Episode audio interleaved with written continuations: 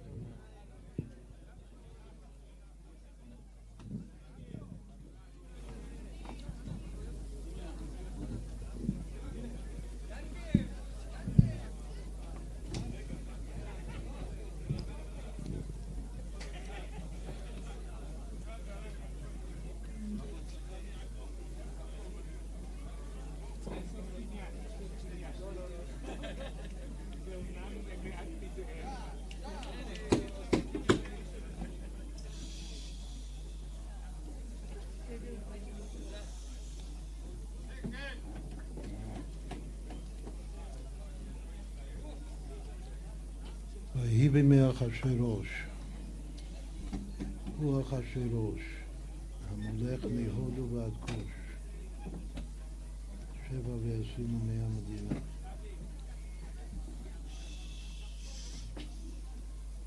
כתוב בכתבי אריזו בשם מדרש שהאחשורוש, גם השם האחשורוש זה רומז לקדוש ברוך הוא. שאחרית וראשית שלו. ככה דורשים את השם אחשורוש. כל פעם שכתוב המלך, אז זה גם בחז"ל הפשוט זה רומז לשם. מלך מלכי המלכים הקודש ברוך הוא. אבל אריזה מוסיף שגם השם אחשורוש זה רומז לקודש ברוך הוא. שהאחרית וראשית שלו. מה האחרית ומה הראשית אצלו? האחרית אצלו זה כוש. הראשית שלו זה הודו. הרי הוא המולך, ככה פותח, פותח את המגילה, שהגדר, ההגדרה של אחשוורוש הוא מלך שמולך מהודו, מהודו ויד כוש. אז הראשית זה הודו והאחרית זה כוש, אבל אם הוא מלך שנקרא אחשוורוש, הפירוש הוא שהאחרית והראשית שלו הכוונה שבתיקון שלו קודם צריך לתקן את האחרית ומהאחרית צריך להגיע לחזור לראשית בסוד אור חוזר, שכל אור חוזר חוזר לקדמותו ממש.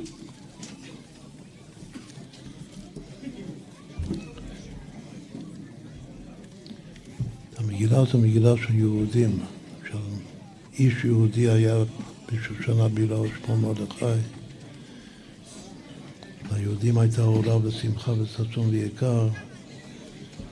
ורבים מעמי הארץ מתייעדים כי נפל פחד היהודים עליהם. כל המגילה זה מגילה של יהודים. עכשיו יהודים זה לשון הודו. זה לא הודים אבל זה יהודים, זה אותו שורש, אותו עניין. ואם הודו זה רומז ליהודים של המגילה אז כוש זה רומז לכושים.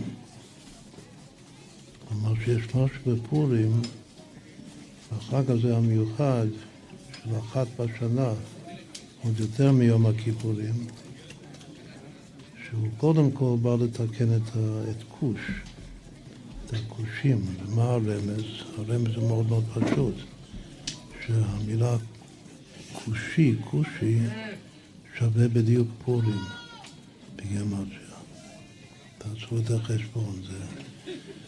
כל אחד יכול לעשות את החשבון הזה גם אחרי כמה לחיים. שכושי, את כושי זה שווה פורים, בדיוק. אז כנראה שהחג הזה קודם בא לתקן את הכושי. מי זה בתנ"ך הכושי? שאול המלך. גם, גם בחז"ל אומרים ששאול המלך הוא כושי ויש עוד מישהו, עוד מלך, שהוא נקרא עבד מלך הכושי. מי זה עבד מלך הכושי? עבד מלך זה ברוך בן אריה, התלמיד מובהק של ירמיהו הנביא, אבל הכושי זה צדקיהו המלך. בזמן החורבן, לפני, קצת לפני הנס של פורים, הקדמה לנס של פורים. שחז"ל מפרשים את זה שלמה צדקיהו המלך נקרא הכושי, שמה כושי משונה באורו, כך צדקיהו משונה בצדקו. כלומר שהוא צדיק גמור. יש עוד כמה מקומות לחז"ל שאומרים שצדקיהו כשם, כשמו כן הוא צדיק גמור. אז למה בתנ"ך כתוב שהוא עשה את הרע בעיני השם? ככל המלאכים הרשעים שקדמו אליו, אבל עבודה זרה וכולו וכולו, זה פסוקים מפורשים בתנ"ך. אז איך, איך כתוב במפורש שהוא עשה רע, שהוא היה מלך רע, והנה חז"ל אומרים שהוא משונה בצדקו למעליותא, שהוא צדיק גמור. צדיק גמור בתניא זה דרגה שקשה אפילו לשער את זה מה זה צדיק גמור. כך אומרים על צדקיהו המלך. אז הפירוש הוא שהוא בפני עצמו היה צדיק גמור, אבל הוא לא היה בידו למחות בעם ישראל, הוא מלך, יש לו סמכות. היה בידו למחות ולא מיכה. היות שלא מיכה בעם שלו, העם שלו המשיך לעבוד עבודה זרה, לעשות את הרע בעיני השם. אז הפסוק מייחס את זה אליו, שהוא עשה את הרע בעיני השם, בגלל שמי שיש בידו למחות והוא לא מוחה, אז, אז הוא נתפס באותו עוון, וזה נחשב כאילו שהוא בעצמו עשה. אומרים שהפסוק רק מדבר על זה שהיה בידו למחות מיכה, והוא בינו לבין עצמו צדיק גמור. לכן קוראים לו הכושי. אז קודם כל יש פה לימוד מאוד מאוד חשוב, שאפשר להיות צדיק גמור, ושכתוב עליך בספר הזיכרונות שאתה רשע גמור. חבל, לא, לא צריך להגיד את זה. כלומר שמי שיש בידו, זה למחות? זה להשפיע, להיות שליח. להשפיע טוב, להעיר, לעזור לאנשים להתקדם, כמו הפתגם שלנו, מתקדמים ביחד. מי שלא עושה את זה, מישהו רק הצדיק עם פלץ, זה הביטוי, שצדיק בתוך הפלץ שלו, בתוך הבגד שלו הוא צדיק, אבל לא יוצא החוצה, לא יוצא מעצמו, להשפיע על הזולת. זה כמו צדקיהו המלך. בכל אופן זה כושי, אז אם כן, יש באמת כתוב גם על שאול כושי, וגם הנה הכושי צדקיהו שהוא כושי. ובכלל, כל בני ישראל כתוב, הלא כבני כושים אתם. פסוק מפורסם שקוראים את זה בהפטרה. משה רבנו התחתן עם האישה הכושית. מה שכותב שכושית יפת מראה. רק שמכנים כושי. אז אם כן, כמו שיש יהודי, יש קושים מחודו ועד כוש. מה שמאוד מאוד אה, מעניין, שיש אדם אחד בתנ"ך שהשם שלו, השם הפרטי שלו זה יהודי, קוראים לו יהודי, זה השם שלו יהודי, כמו שגם היום נותנים את השם הזה כשם פרטי יהודי. ומי ההורים שלו, הייחוד שלו. כתוב בתנ"ך יהודי בן נתניהו, בן שלמיהו, בן כושי. את הסבא רבא שלו הוא כושי. והוא יהודי. אז יש כזה אדם, שהוא היה שר בממשלה, הוא בא לאותו ברוך אה, בן נריה, תלמיד של ירמיהו, בא לבקש ממנו שיקרא באוזניו ובאוזני שאר השרים את המגילה שכתב ירמיהו. מה שברוך כתב את זה, ירמיהו אמר את זה, הכתיב את זה, ברוך כתב את זה, זה בעצם זה מגילת איכה. ומשמע מהפסוק שהוא היה בסדר, הוא היה צדיק היהודי הזה. יהודי בן נתניהו, בן שלמיהו, שלמיהו זה שלום, שלום עכשיו. בן כושי. עד כאן הפסוק מייחס אותו, מיהודי עד כושי. אז ממש מהודו ועד כוש.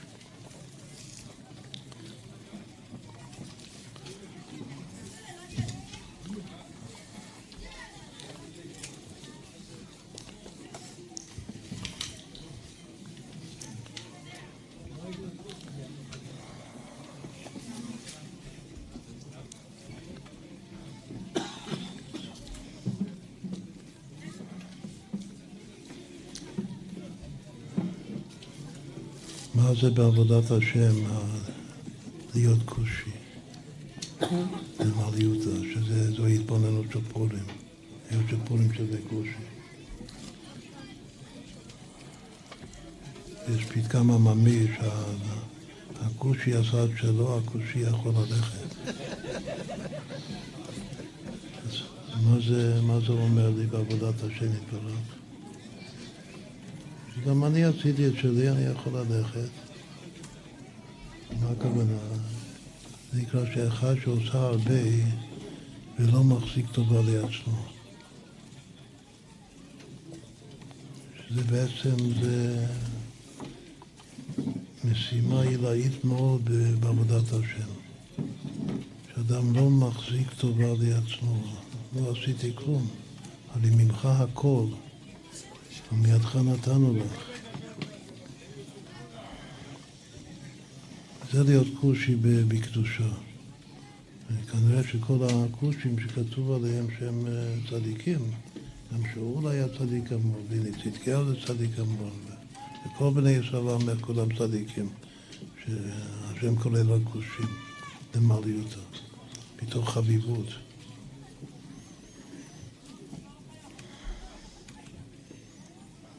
מחזיק את עצמו לא בהיר, לא לבן, הוא מחזיק את עצמו בשחרות.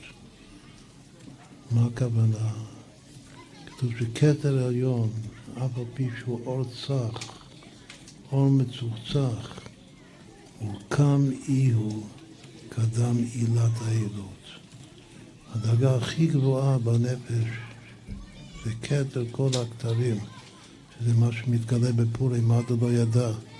זה רישא דלא ידע ולא התיידע, אמונה פשוטה, אז אף על פי שזה אור צח, אור מתוקצח, אבל הוא, שחור בפני עילת העילות, בפני השם יתברך.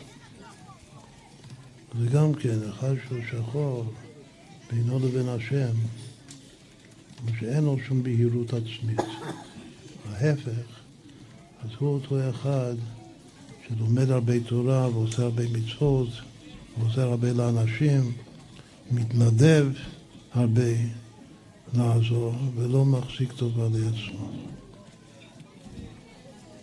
מי זה יהודי? אז גם יש כמה, כמה פירושים בחז"ל מה זה איש יהודי. היה בשושן אבירה. הכי מפורסם זו הדעה של רבי יוחנן בגמרא, יש ארבע דעות בעצם. הדעה הרביעית, האחרונה, זה הדעה של רבי יוחנן. שגם אם תעשו את החשבון, תראו שרבי יוחנן גם שווה פורים. רבי יוחנן, שמופיע הרבה בגמרא בכלל, ובפרט במסכת מגילה. הוא דורש הרבה הרבה פסוקים של המגילה. הוא המור העיקרי של ארץ ישראל. הוא המעדר של תלמוד ירושלמי. תלמוד ירושלמי זה מוכין דאבא, האוויר עד ארץ ישראל מחכים. שבזה רוצה מהעצומות בשביל לשכוח תלמוד בבלי ולהגיע לזכות ללמוד ולהבין את תלמוד ירושלמי. שהוא האמור העיקרי של התלמוד הירושלמי. הוא, אפשר לומר, הדרשן העיקרי בפסוקים של, של מגילת אסתר. הוא זה שאומר על איש יהודי, שמי הוא יהודי, זה הכופר בעבודה זרה. שכל הכופר בעבודה זרה הוא נקרא יהודי. זה הפירוש של איש יהודי. הרי איש יהודי משמע שהוא משבט יהודה.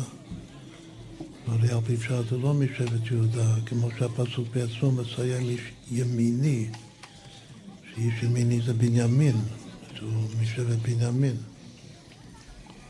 אז יש ארבעה פירושים בגמרא, מה זה לכאורה הסתירה הזאת בין איש יהודי לאיש ימיני. שהפירוש הראשון הוא של רב נחמן. רב נחמן הוא אמר על עצמו שהוא ראוי להיות משיח. רב נחמן אומר שהוא נקרא איש יהודי בגלל שזה פשוט תואר כבוד, תואר מלכותי. זה נקרא מוכתר בנימוסו, זה הלשון של חז"ל, של רב נחמן. הוא מוכתר בנימוסו של מלכות. היות שיהודה זה שבט המלכות, אז הוא נקרא איש יהודי משום שהוא מלכותי, שהוא ראוי למלכות. אחר כך בא רבי יהושע בן לוי. רבי יהושע בן לוי אומר משהו פשוט. אומר שלמה הוא איש יהודי וגם איש ימיני, גם מתייחס לשבט יהודה וגם מתייחס לשבט בנימין. בגלל שאומנם, ואכן אבא שלו הוא מבנימין, לכן הוא שייך לשבט בנימין, אבל אימא שלו מיהודה. לכן הוא גם כן מתייחס לשבט יהודה. סימן שהייחוד של האימא זה חשוב מאוד. גם על שמשון הגיבור, מאיזה שבט הוא? משבט דן, מאבא שלו מנוח. אז מנוח הוא משבט דן, אבל מאימא שלו צלפונית כתוב. והיא כתוב בפירוש בדברי הימים, השם שלה היא משבט יהודה. אז רואים שכל השבטים, כנראה הרבה מהשבטים התחתנו עם נשים, עם בנות, משבט יהודה, שזה שבט המלכות, ולכן יש ייחוס ליהודה. לכן בעצם כולנו יהודים, הרי השם יהודי זה השם האימא, הייחוס היהודי. סימן ש... רוב האימהות של כל השבטים זה בעצם הכל יהודה, לכן כולנו יהודים. בכל אופן, זה פירוש מאוד פשוט של רבי יהושע בן לוי, שמתחילים לייחס אותו על שם האימא שלו, איש יהודי היה בשושן הבירה. יש פה בן אדם שהאימא שלו היא יהודייה, היא יהודית, לכן הוא יהודי. בסוף באים גם לאבא שלו, איש ימיני. אחרי שאומרים את כל האבות בן יאיר, בן שימי, בן קיש, אז מסיימים איש ימיני, שכולם זה משבט בנימין. אבל קודם כל, איש יהודי. רבנן אומרים עוד, וזה היה רבי יהושע בן לוי, הדעה הראשונה זה רב נחמן. הדעה השלישית בגמרא זה רבנן אמרי, רבנן אומרים משהו אחר, שהשבטים היו מתגרות זו בזו מי זכאי בצדיק הזה, במרדכי הצדיק. ששבט יהודה אומרים שאני זכאי, אני גרמתי ללידה שלו. איך הוא נולד? איך מרדכי נולד? כתוב שנולד משימי בן גירה. מתי הוא נולד ממנו? לכן כתוב בן שימי. מי זה השימי הזה? שימי בן גירה. מי זה שימי בן גירה? זה אותו אחד שקילל לדוד המלך, שהוא ברח מאבשלום. ודוד המלך היה ביכולתו, כמו שיואב רצה מיד לפגוע בו, להרוג אותו, שהוא מקלל את המלך. דוד אמר שכרגע אני לא, אין לי דין. היה בבריחה מ... מאבשלום בנו. השם אמר לו כלל, יש על זה פרק שלם בספר התניא. שהכוח שלו לקלל, הכוח ש... שבא לו לפה, לגוף שלו לקלל, זה בא מהשם. השם אמר לו כלל. אבל לא שכח את זה. בסוף ימיו, בצוואה שלו, שמצווה את שלמה בנו, אז הוא אומר לו לא לשכוח את מה שהוא קילל אותי, כללה נמרצת. תדאג לגמור איתו את החשבון. אז ככה באמת שלמה עשה. בכל אופן, דוד היה יכול להרוג על המקום את שמי והוא הוא שלט על עצמו, על היצר, אפשר לומר. הוא לא הרג אותו, ואז ממנו, מאותו שימי, אחרי הסיפור הזה, מאותו שימי נולד מרדכי הצדיק. השבט יהודה באים ואומרים, אני, אני ילדתי אותו. אני, דוד המלך, זכאי בלידת מרדכי הצדיק. בגלל שאם הייתי פוגע בו, לא היה נולד, לא היה בא לעולם. בנימין אומרים, מה פתאום, זהו ממני, הוא שלי. אז זה נקרא שהשבטים התגרו זו וזו. מי זכאי בצדיק הזה, במרדכי. לכן, כדי לצאת ידי שניהם, שאלו ואלו דברי אלוקים חיים, גם אתה צודק, צדק צדק תרדוף, אתה צודק, אתה צודק, בסיפור הזה. אז קודם אומרים לשבט יהודה, אתה צודק. מרדכי מתייחס לזה שדוד לא הרג את שמי, אז לזכותך. אז לכן מתחילים איש, איש יהודי. זה הפסוק העיקרי, כאילו זה הביטוי העיקרי, איש יהודי היה בשושן הבירה. ושמו מרדכי. רק בסוף מוסיפים שהוא איש ימיני. בסוף בא, רבי יוחנן, כמו שאמרנו קודם, והוא אומר את הדעה הרביעית, שזו הדעה הידועה, שכמעט לא מכירים את הדעות הקודמות. שהוא אומר שאיש יהודי זה בגלל שהוא כופר בעבודה זרה. נהיו יהודי, מי שכופר בעבודה זרה. מי שמאמין בהשם באמונה שלמה, זה שהוא כופר, הכוונה שהוא גם כן מוכן ומזומן לקיים את מצוות מחיית עמלק. הוא כופר בעבודה זרה, מי שכופר, הכוונה שהוא שונא אותו. שונא אותו, מוכן לקיים את המצווה של השם, של תמחה את זכר עמלק מתחת השמיים, לא תשכח. זה ארבע דעות. אפשר לכוון את הארבע דעות האלה גם כנגד י"ק ו"ק.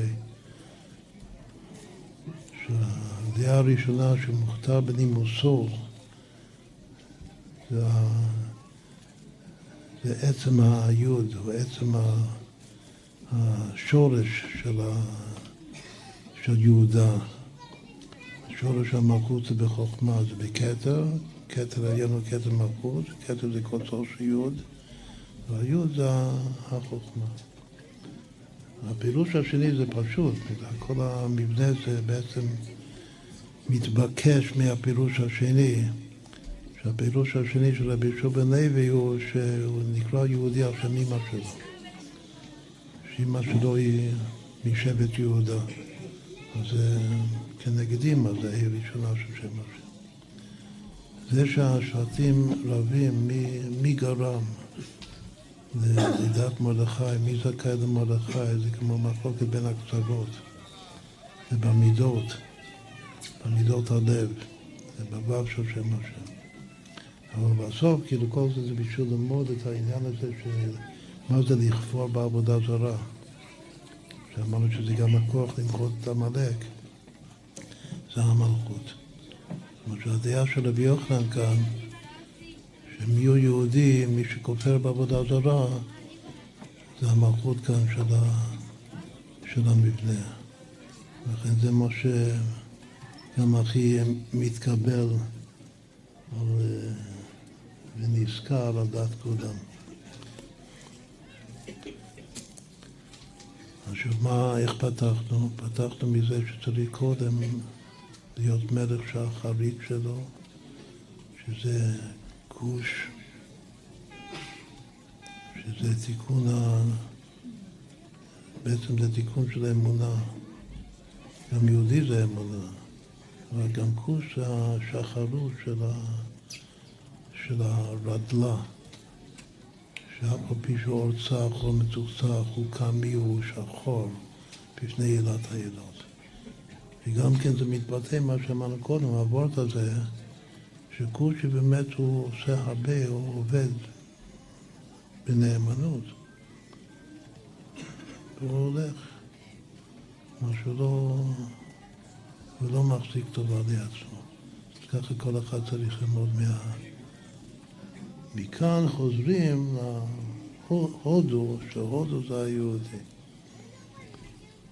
שוב צריך להבין שבאותו אחד בתנ"ך, אז בין היהודי לבין הכושי יש נתניהו ושלמיהו. זה, ה... זה האבות שלו. יהודי בין נתניהו, בין שלמיהו, בין כושי. אז יהודי זה איש יהודי וכושי זה בגמר כיפורים. שיהיה לנו פורים שמח.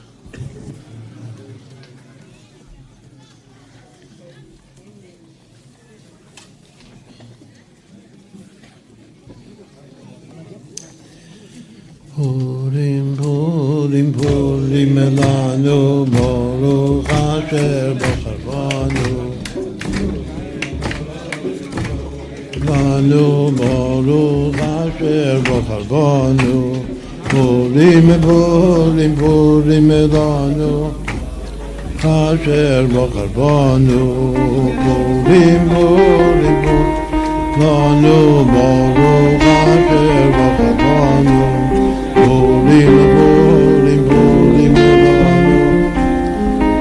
אשר בחר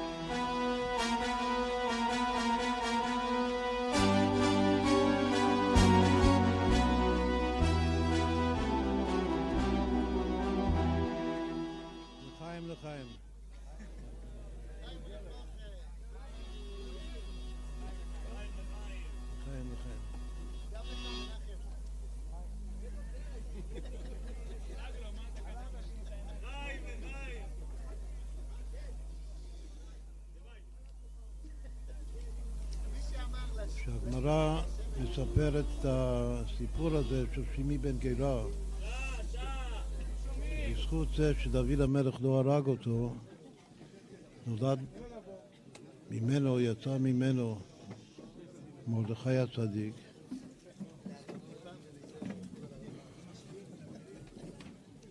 דוד התאפק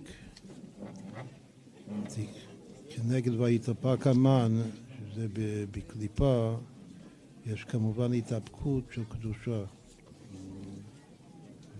ועיקר ההתאפקות של הקדושה זה דוד המלך בסיפור הזה. ומזה יוצא מרדכי הצדיק. עכשיו באותו הקשר, בהמשך, מספרים חז"ל שלמה קודם בן שימי, קודם בן יאיר, שהאיר את עיניהם בישראל בתפילתו. בן שימי ששמע כל את תפילתו, בן קיש שהקיש בדעתי רחמים ונפתחו לו. אבל הבן שימי זה, שוב, זה רומז ב... בצורה מיוחדת, בצורה מובהקת לסיפור הזה של שימי בן גירה והוא איש יהודי בזכות זה שדוד גרם ללידה של מרדכי הצדיק. עכשיו באותו הקשר הגמרא אומרת שמה זה בן קיש? בן קיש זה שאול, שגם אצל שלו היה משהו דומה, שהוא לא הרג את הגג, ובאותו לילה שהוא נמנע מלהרוג את הגג במצוות השם, שזה בעצם זה עבירה. מה שדוד התאפק ולא הרג את שימי זה מצווה הוא עשה. מה ששאול התאפק כאילו ונמנע מלהרוג את הגג זה אווירה. ומה יצא מזה? שבאותו לילה נולד, שהוא היה עם שלוחה. מזה יצא המן הרשע שיצר, שעשה צרות לעם ישראל. ממש שני שני הגיבורים, הטוב והרע של מגילת אסתר, שזה מרדכי הצדיק והמן הרשע, שניהם נולדו מאותו סיפור. שכאילו שניהם נולדו בנס. ש... שכאן זה שדוד לא הרג את פימי, וכאן זה ש... שאול, המלך שקדם לדוד, לא הרג את, אה, את הגג, מלך עמלק. אז זה שמתוך מצווה יוצא מרדכי הצדיק, מיד לזה אני מבין את זה. מי שמתוך אווירה יוצא המן זה גם אה, מובן, אבל המן הוא כאן אה, הכרחי לסיפור. אי אפשר מגילת אסתר בלי המן. לכן גם אוכלים אותו, נהנים ממנו, אוזני המן. צריך מחיית עמלק, אבל רואים שהמן זה, כל הכיף של פורים זה המן.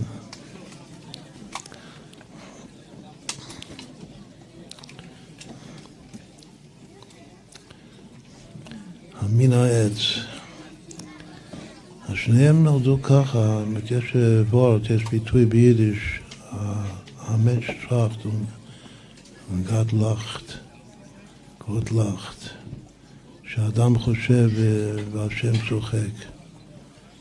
רבות מחשבות בלב איש, רצת השם יתקום, כמו שהלכנו להסביר את זה בי"ט כסלו השנה.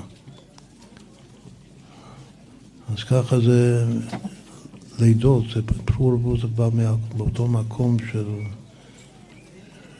שהשם בשמיים ישחק. השם יושב ורואה את המעשים ואת המחשבות שלנו, את התוכניות שלנו, את העצות שלנו, והוא צוחק עלינו. ומזה נולד גם מרדכי הצדיק וגם המן הרשע, שהוא צריך, חייבים את המן הרשע. בשביל מרדכי הצדיק, בשביל שהיחידה שבנפש, עצם הנשמה של היהודי, שזה מרדכי הצדיק יתקרב, שהיהודים יעמדו במסירות נפש שנה שלמה. ושמזה יהיה בני ספורים, אז מי שגרם לזה זה, זה המן, הכל בזכות המן. המן וזרש אשתו. והיועצים שלו, והבנים שלו, שכולם תולים עכשיו על העץ גבוה חמישים אמה, שזה מגיע עד שערנון. ולימן לא מגיעים עד שערנון. מסתפקים במ"ט שערים, אבל שערנון לא מגיעים. אבל רק המן עושה את העץ גבוה חמישים, לא מרדכי. את כל העץ גבוה חמישים אמה, שזה עד שערנון, זה המן אני יודע לעשות את זה? אנחנו לא יודעים לעשות את זה. אחר כך תולים אותו על אותו עת שהוא הכין למרדכי. בכל אופן, כל זה, זה, זה ההקדמה שפורים, בכלל, פורים זה, זה חג של, של, של שמחה וצחוק. השם בשבועיים ישחק. כמו שכל אחד הוא כושי בפורים, אז גם כל אחד צריך להרגיש עכשיו שם צוחק עליו בפורים. איך שכל מיני דברים לא צפויים יוצאים ממנו, מהמעשים שלו, מהמחשבות שלו, כאילו לא לפי התכנון שלו. שזה הכל הקדמה להמשך של הדברים, בעזרת השם. יש מחלוקת בין, מחלוקת מאוד מאוד אה, חמורה בין הראשונים והאחרונים, האם מותר לקבל גר מעמלק.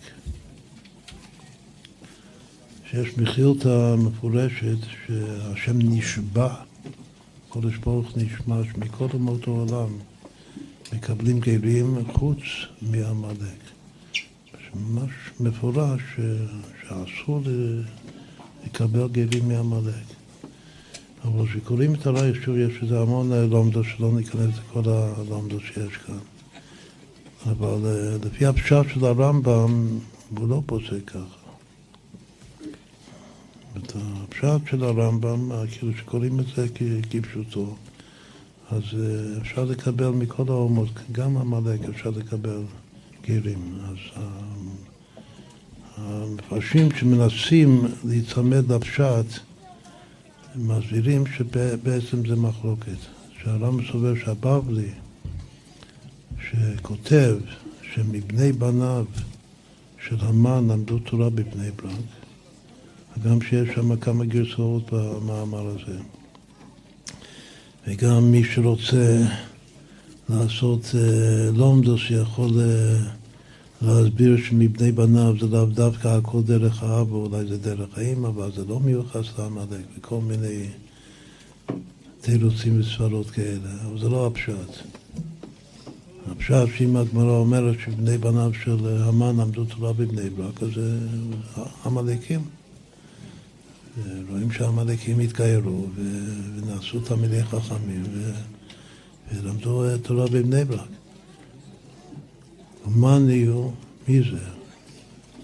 מי זה הבני בניו של, של המן, שלמדו תורה? שמואל בר שילת, אחד מגדולי החכמים של עם ישראל, שמסר את הנפש שלו על חינוך ילדים. השם שלו שווה בגימטיה, השם אחד בריבוע.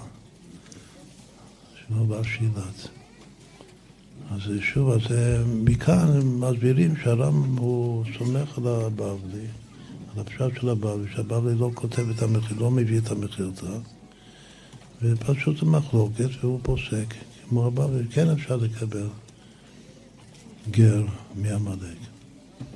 הכל קשור לסיפור שבא גר עמלקי וסיפר לדוד המלך ששאול נהרג ושבעצם הוא הרג את שאול. ואז דוד המלך הרג אותו, את המבשר הזה. ועל פי פשט הוא הרג אותו בגלל שהוא פגע במשיח השם, שהוא הרג את שאול. אבל אה, המפרשים מסבירים שבעצם זה רק היה תירוץ. שהוא הרג אותו, מי שסובר שאסור לקבל גר מעמלק, כלומר שהוא נשאר עמלק, אז מה שהוא הרג אותו זה כדי לקיים את המצווה של מחיית עמלק. לאו דווקא בגלל שהוא, כאילו היה לו תירוץ שהוא הרג את זה. עכשיו זה גם לא על כשקוראים את הפסוק זה לא פשט. אז אם זה לא פשט, אז סימן, עוד סימן שכן אפשר לקבל גר. שזה שהוא גר עמלקי זה בסדר, יש גם כן כל מיני ניסיונות לומר ש... שהוא רק גר בארץ עמלק, הוא לא ממש היה מזרע עמלק, עוד כל מיני כאלה. אז כאן המקום לומר שלא צריך ללמוד ככה תורה. צריך ללמוד פשטות, לא, לא לעשות ככה.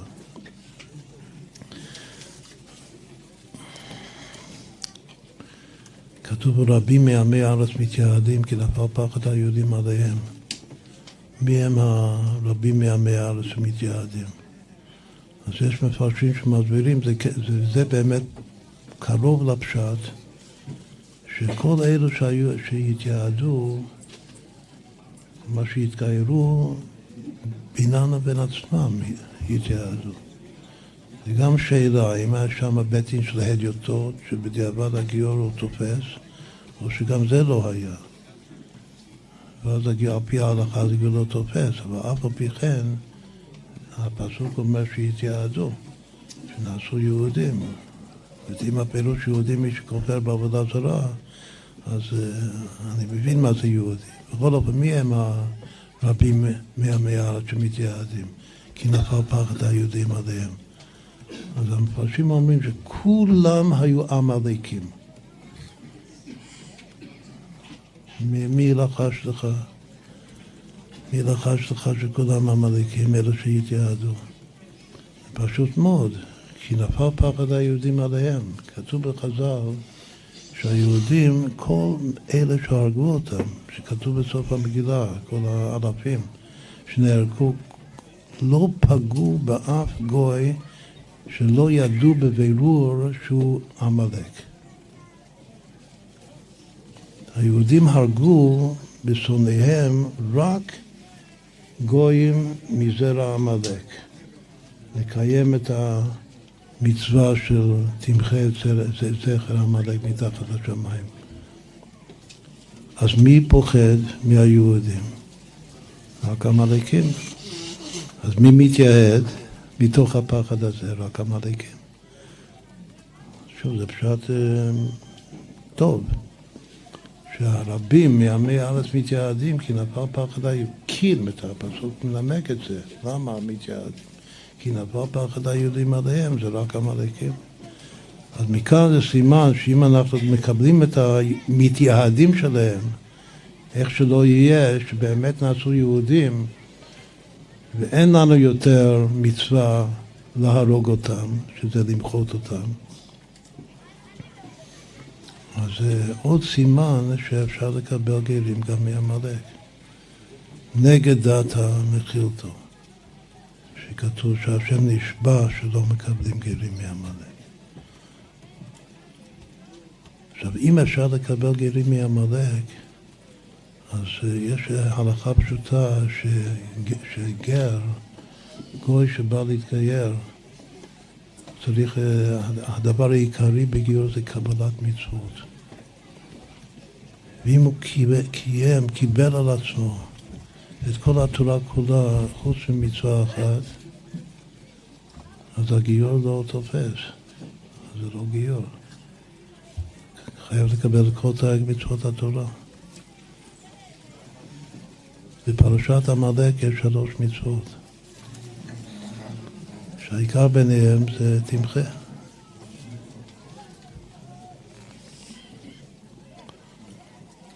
אז אם גר עמלקי, אם כן מקבלים גר עמלקי, אז זה לא פשוט. בשבילו. רחמן נסל, רחמן נסל. אותו גר עמלקי, בגלל שעכשיו אם הוא באמת גר, אם רוצה שזה יתפוס הגר, הוא צריך מיד לחזור הביתה ולהרוג את ההורים שלו ואת האחים שלו ואת כל, כל המכרים שלו. יש מי שאומר שאפילו את עצמו צריך להרוג.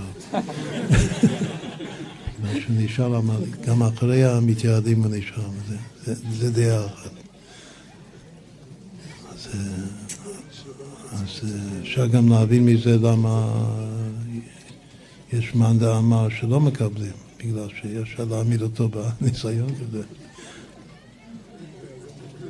אבל שוב, הפשט של הרמב"ם שכן מקבלים. גר עמלקי.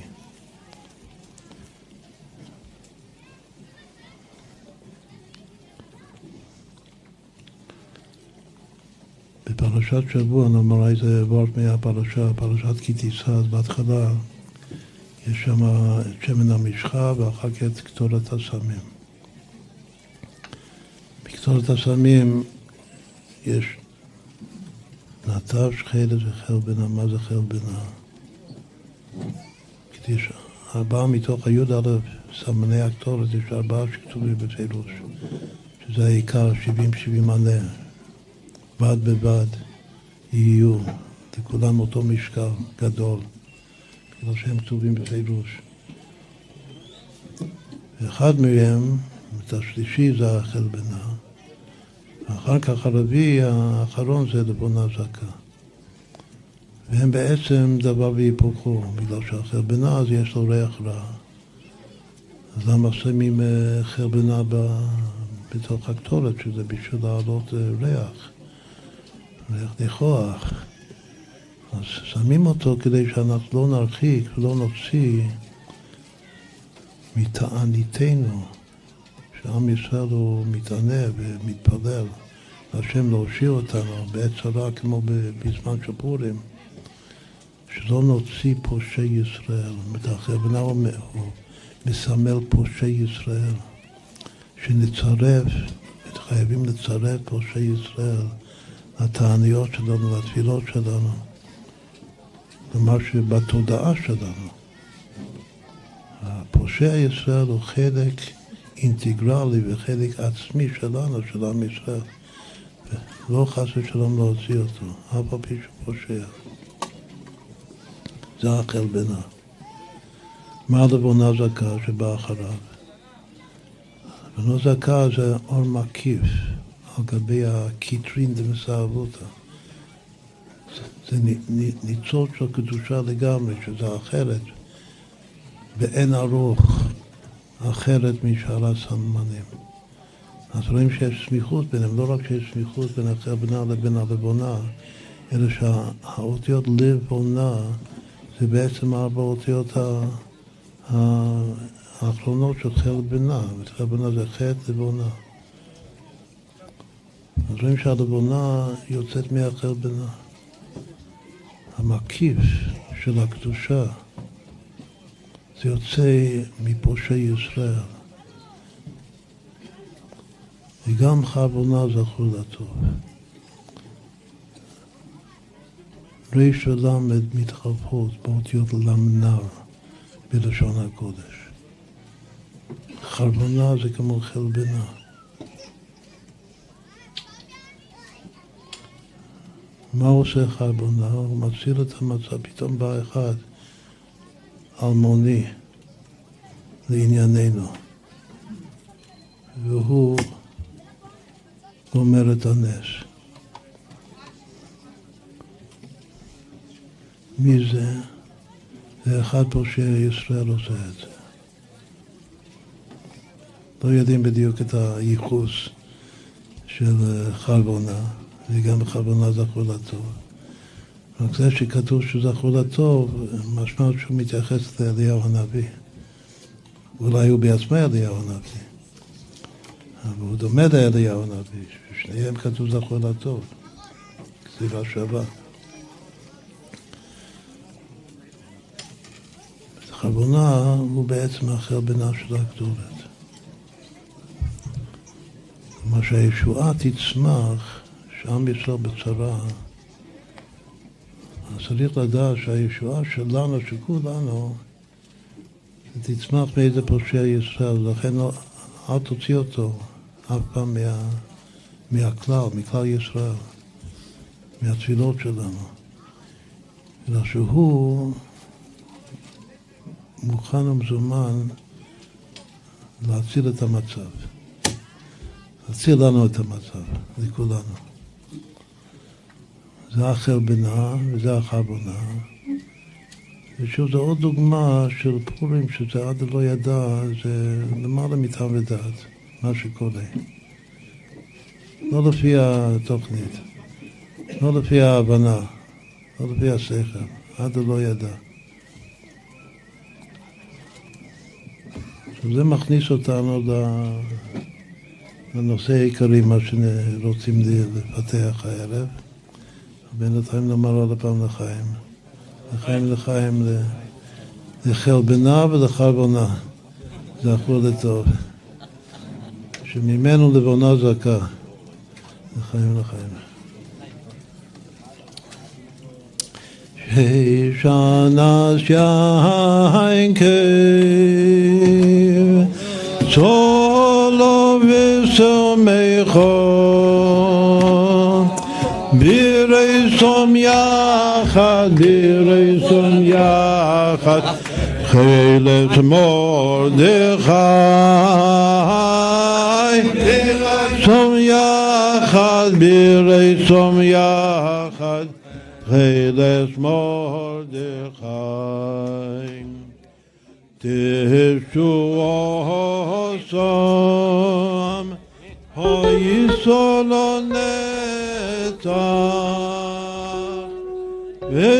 استقباسم به استقباسم به قادر قادر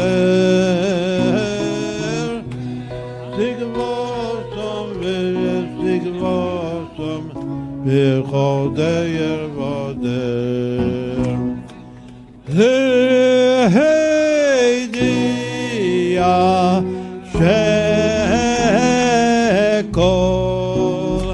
שכל כאבך לישום וליקומו לו נצח כל החייסים בו וליקומו לו נצח כל החייסים בו Köşen Asya Enkel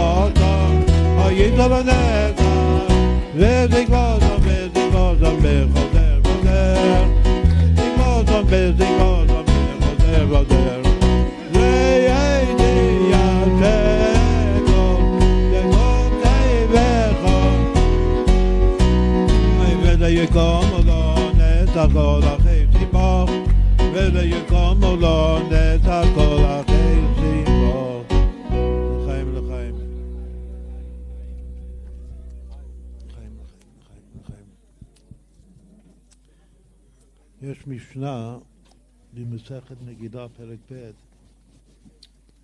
מהיכן קורא אדם את המגידה ויוצא ידי חובתו? מאיפה הוא צריך להתחיל את קריאת המגידה כדי לצאת ידי חובת מצוות מקרא מגילה? רבי מאיר אומר כולה. רבי מאיר אומר שצריך לקרוא את הכל מההתחלה עד הסוף ויהי בימי אחשוורוש או אחשוורוש עד הסוף. רבי יהודה אומר מאיש יהודי.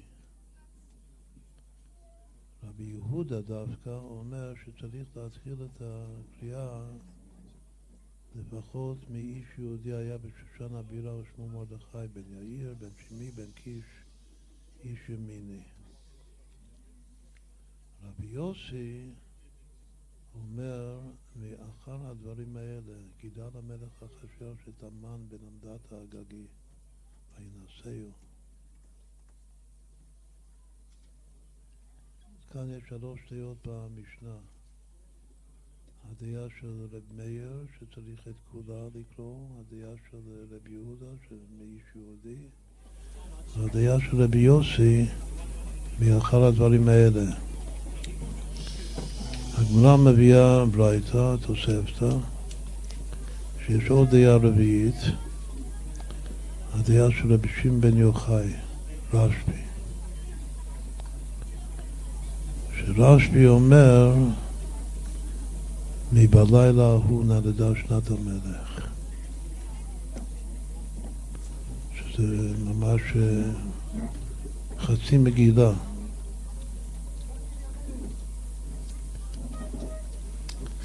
אז יש ארבע דעות.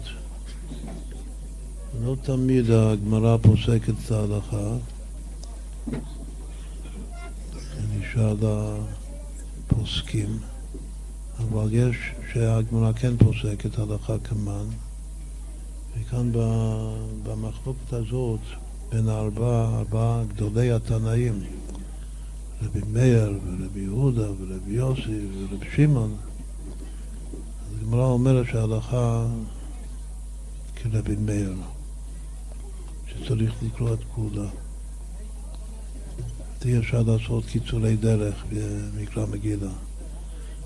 לקרוא רק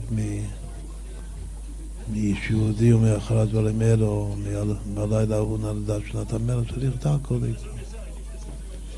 אם כן, ההלכה ידועה, כך הגמרא אומרת. ככה נפסקה ההלכה. בכל אופן צריך לעיין בזה ולנסות להבין מה קורה כאן. בפרט שלכאורה זה נגד כללי הפסיקה. רבי מאיר ורבי יהודה בדרך כלל פוסקים כמו רבי יהודה. רבי יהודה ורבי יוסי בדרך כלל פוסקים כמו רבי יוסי. שלוש הדעות במשנה, זה ממש הפוך. שפוסקים כאן כמו רב מאיר. סימן שיש משהו עצמי בין רב מאיר דווקא לבין מצוות מקרא מגילה. רב מאיר הוא מאיר עיני חכמים בהלכה, ולא עמדו שאר החכמים, חבריו של רב מאיר, על סוף דעתו של רב מאיר. זה מתאים לפורים. זה כבר פלא.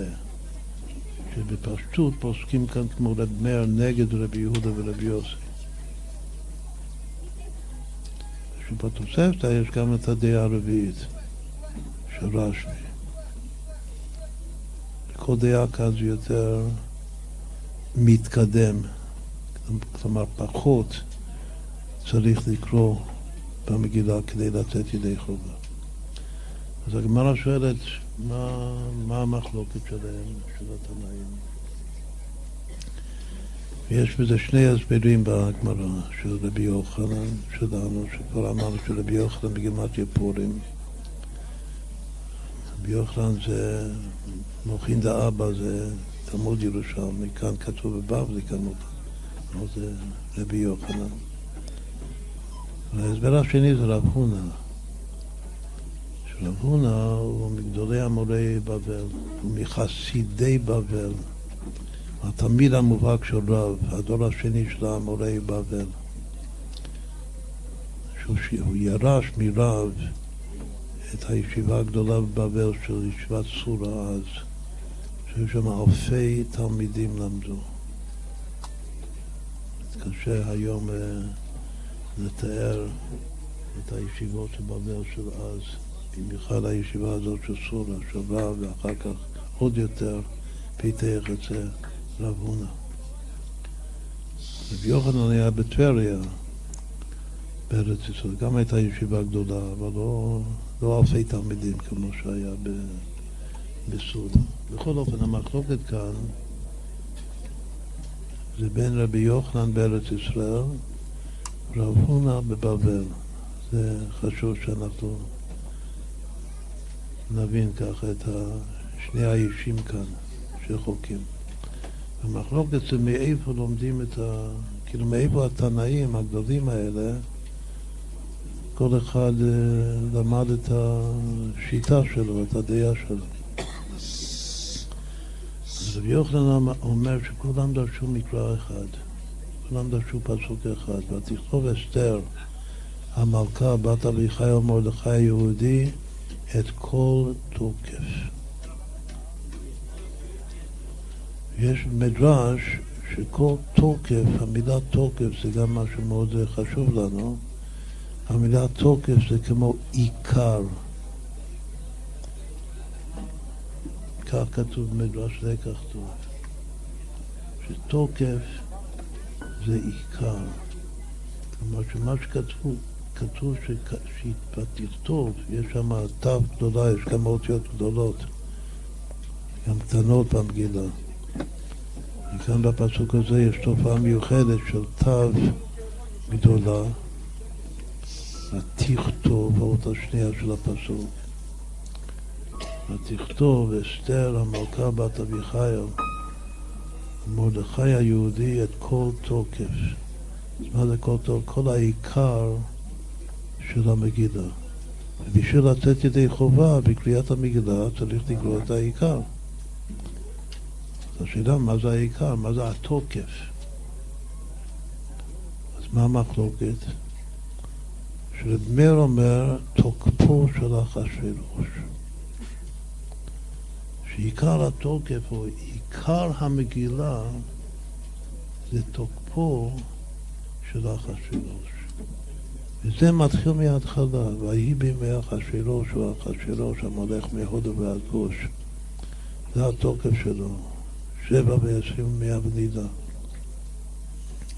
לא אמרנו קודם, אבל נסביר את זה עכשיו, שיש ביטוי במגילה עד חצי המלכות. מה שאחשוורוש מוכן לתת לאסתר המלכה מוצאת חן בעיניו. מה זה חצי המלכות שלו? זה מלכות ארץ ישראל כתוב, זה בית המקדש, ככה זה המפרשים. למה? בגלל שזה באמצע בין הולו לבין כוש. וגם כן יש ראש טוב סוף. אמרנו שהסוף של החשבונות זה כוש, ההתחלה זה הודו, והאמצע זה ארץ ישראל, זה בית המקדש. והוא מתחיל דווקא מהסוף, בגלל שהוא מלך שהאחרית וראשית שלו. שאנחנו פוסקים שעיקר המגילה זה תוקפו של אחשוורוש. מה שעלינו בפורים להתייחד להתעצם עם התוקף העיקר, שזה אחשוורוש, הוא העיקר כאן. הוא העיקר בסיפור, הוא התוקף של הסיפור. ולכן צריך לקרוא את כל המגילה, בגלל שכל המגילה מההתחלה עד הסוף זה הכל תוקפו של אחשוורוש. מה אומר רבי יהודה? ותכתוב אסתר את כל תוקף, תוקפו של מרדכי. שעיקר, העיקר כאן במגילה, כאילו, כשאני קורא את המגילה, עם מי אני מזדהה? מי העיקר כאן במגילה? מי התוקף? זה פעם שוב, זה מאוד מאוד חשוב שתוקף, הפירוש תוקף זה עיקר. עכשיו, מי אומר, את, מי אומר את הדעה הזאת? לא נשכח, זה רבי יוחנן, זה מרא דארא דישראל. כאן בארץ ישראל התוקף זה העיקר. תקיפי דארץ ישראל.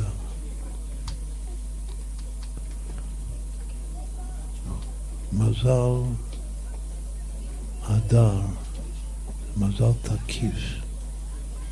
מזל בריא ומזל תקיף. אז עיקר המזל שלנו היום זה תוקף. אז צריך לדעת מה, מה, מה עיקר התוקף, מה העיקר. אז זה המחלוקת לפי רבי יוחנן.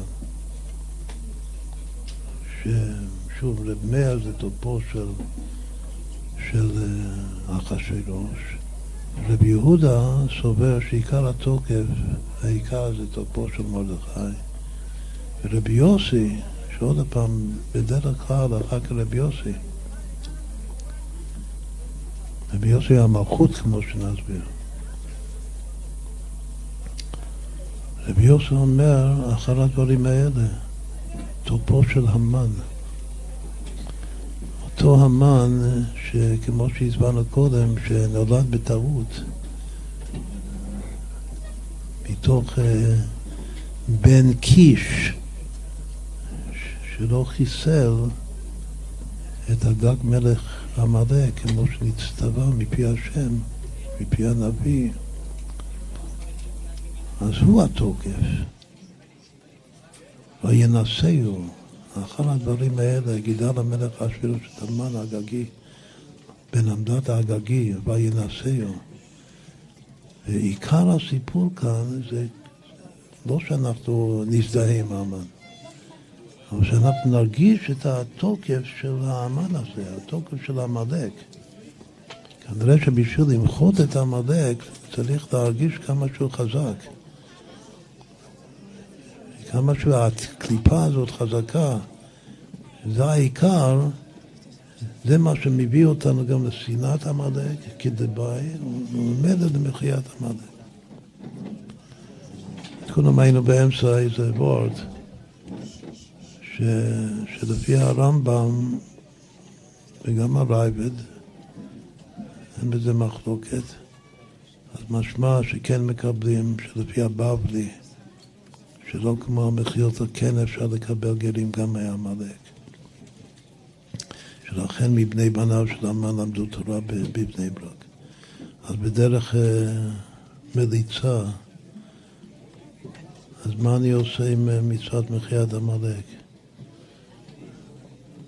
אחרי שהעמלקי הזה, קודם כל נעשה עוד חשבון נחמד של פורים. פורים צריך לעשות הרבה חשבונות. הביטוי, הביטוי שמופיע בתוך התנ"ך זה גר עמלקי, זה אותו אחד שבא לדוד המלך. כמה שווה גר עמלקי? אבל שיש כזה דבר, גר עמלקי. כמובן שאם מדברים על גיור, והגיור צריך להיות כהלכה, אז מדברים על המהפכה הרביעית. של להביא את התורה גם לאומות העולם כדי להוציא את כל הניצוצות. כמה שווה גר עמלקי? שווה מלך המשיח, שגם שווה צדיק גמור, ועוד כמה דברים טובים. אמרנו שהכושי, צדקיהו היה צדיק גמור, כך כתוב בחז"ל. בכל אופן, יש כזה דבר גר עמלקי, אז איך אני, בכל אופן אני זוכר, אם אני קורא לו בשם הזה, כינוי גר עמלקי, לא שכחתי שהוא עמלקי. הוא גר עמלקי, אז מה... אז איך, מה אני עושה עם התמחה? אם אפשר לקבל אותו, ואולי הוא ילמד אותי תורה בבני ברק. אז כנראה שצריך לעשות לו מחיית כפיים.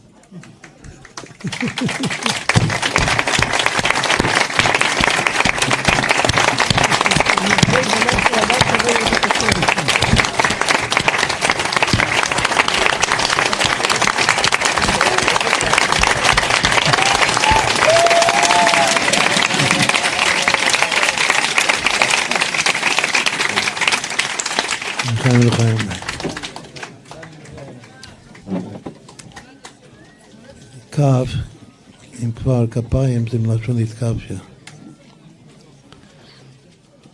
ההתקפיה צריכה להביא לידי, לידי מחיית כפיים. התכלית של ההתקפיה. התקפיה זה מחיית עמלק. טוב, אז היינו עכשיו באמצע המחלוקת, שרבי יוסי אומר שהתוקף של המגילה מה שצריך לחוות בנפש שקוראים את המגילה זה תוקפו של המן. זה עיקר התוקף. לכן אפשר לצאת ידי חובת קריאת המגילה שמתחילים מאחר הדברים האלה. אז משם מתחיל תוקפו של המן. עד כאן במשנה. בא רשב"י בתוספתא ואומר בלילה ההוא איזה תוקף זה שוב, כולם דורשים, לפי רבי יוחנן, כולם דורשים אותו פסוק. ותכתוב אסתר וכולו את, את כל תוקף. אז חזור אומרים שרשב"י סובר תוקפו של נס, לא תוקפו של uh, מישהו מבין האישים הפועלים בתוך המגילה, אלא התוקף של הנס, בעצם לומר תוקפו של נס, זה תוקפו של הקל מסתתר, אסתר מן התורה. הקל שמסתתר, והוא פועל את הנס. אז מה שצריך שוב להתייחד ולהתעצם בפורים, העיקר זה עם בעל הנס, עם הנס. עם התוקף של כמה חזק הנס הזה שמלובש בדרכי הטבע, זה יותר תקיף, וממילא גם יותר בריא לנו, גם מהניסים הגלויים ששידוד חוקי הטבע, כמו הניסים של עשר מכות וקריאת ים סוף של יציאת מצרים, הניסים הגלויים, התוקף זה תוקפו של נס. והתוקפו של נס זה מתחיל מבלילה ההוא נדדה שנת המלך. אז ככה מסביר רבי יוחנן שוב שזה מוחין של ארץ ישראל, ההסבר הזה. שהמחלוקת כאן זה מחלוקת של תוקף. מה עיקר התוקף? מה העיקר כאן במגילה? בא רב הונא מחסידי בבל, והוא קצת אחרי רבי יוחנן בסדר הדורות. וממילא הוא גם מכיר את דעתו של רבי יוחנן, והוא אומר משהו אחר. הוא אומר שגם כן, שכולם דרשו מקרא אחד, כולם דרשו פסוק אחד במגילה, אבל לא הפסוק הזה, ותכתוב אסתר, ומרדכי את כל תוקף. פסוק קודם במגילה קצת, שכתוב, ומה ראו על ככה ומה הגיע עליהם. זה הפסוק שכולם דרשו. ומה ראו?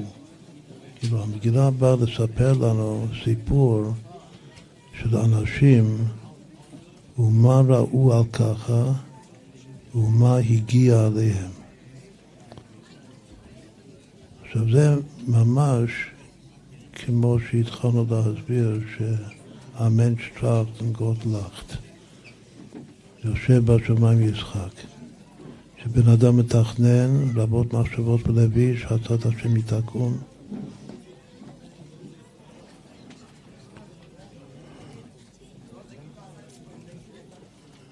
שכל אחד הוא פועל לפי מה שהוא רואה, משהו כאיזה ככה אחד.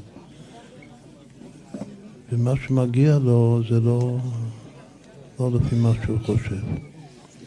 לא לפי מה שהוא תכנן. עכשיו הוא מסביר את זה בפרוטרוט. לפי דת רב מאיר, עיקר הפעילות של הפסוק הזה, ומה ראו על כך ומה הגיע עליהם, זה מה ראה אחשוורוש המלך, שהוא השתמש במשתה שהוא עשה, שהוא השתמש בכלי בית המקדש. מה הוא ראה להשתמש? אז מה הוא ראה? הוא ראה על ככה. כל פעם יש, יש פה בעצם שלושה דברים. מה שהבן אדם רואה, הוא רואה בגלל משהו, שזה נקרא על ככה, ומה קורה איתו? מה, מה, מה עצת השם יתקום שלו? פעם יש בפסוק הזה, ומה ראו על כך ומה הגיע אליהם, יש ראו ככה הגיע. זה דילוג מילים. ומה ראו על ככה ומה הגיע עליהם. עכשיו זה כלל גדול בנפש, באמונה שלנו בהשגחה הפרטית של הקודש ברוך הוא. ובעצם בספירות, כבר נאמר שבספירות זה נקרא נצח והוד, זה הכליות יועצות. מה שאני רואה לעשות משהו בגלל דבר שקרה. אני, קרה משהו ואני רואה את זה, ואני רואה את זה ואני עכשיו מחליט לעשות משהו, להגיב למה, לככה הזה, זה הנצח של הבן אדם. שהוא הולך על משהו, מחליט לעשות משהו לפי משהו, רואה איזה ככה אחד. אבל מה שמגיע אליו, שזה לא לפי התוכנית שלו. הרבה פעמים זה פשוט, השם צוחק עליו. מה שמגיע זה, זה ההוד. אם הוא עובד את השם כדבעי, אז הוא צריך להודות לקודש ברוך הוא. שבאמת מה שהגיע, מגיע. ידוע שהכלל שה... הגדול של החסידות זה שלא מגיע לי כלום, ומה שהגיע לי באמת הגיע לי. אז הגיע לי בגלל זה מהקודש ברוך הוא. זה שאני מבין שמה שמגיע, מגיע, זה ההוד בנפש. אבל מה שקודם חשבתי שאני אעשה משהו, בגלל משהו, זה הנצח בנפש. אז שוב, הביטוי זה מה ראו על ככה ומה הגיע עליהם. כל זה מסביר רב הונא. לפני שנמשיך, מה, מה היחס בין הונא לבין יוחנן? כמה שווה הונא וכמה שווה יוחנן?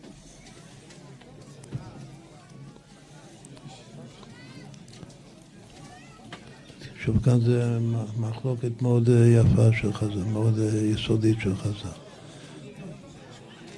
שוב, זה מחלוקת בין ארץ ישראל לבין בבל. הונה זה 62, יוחנן זה 124, זה פי שניים בדיוק. מה שיוחנן זה פעמיים הונה, איך קוראים ליחס הזה? שלם וחצי. את היחס בין יוחנן לבין הונה זה שלם וחצי. אמרנו שרבי יוחנן שווה פורים. כמה שווה רב הונה? אם היה רבי הונה, הוא רב, הוא רק, הוא בבבל, כל רב מבבל, כל רבי מארץ ישראל. אז לכן קוראים לו רב הונה.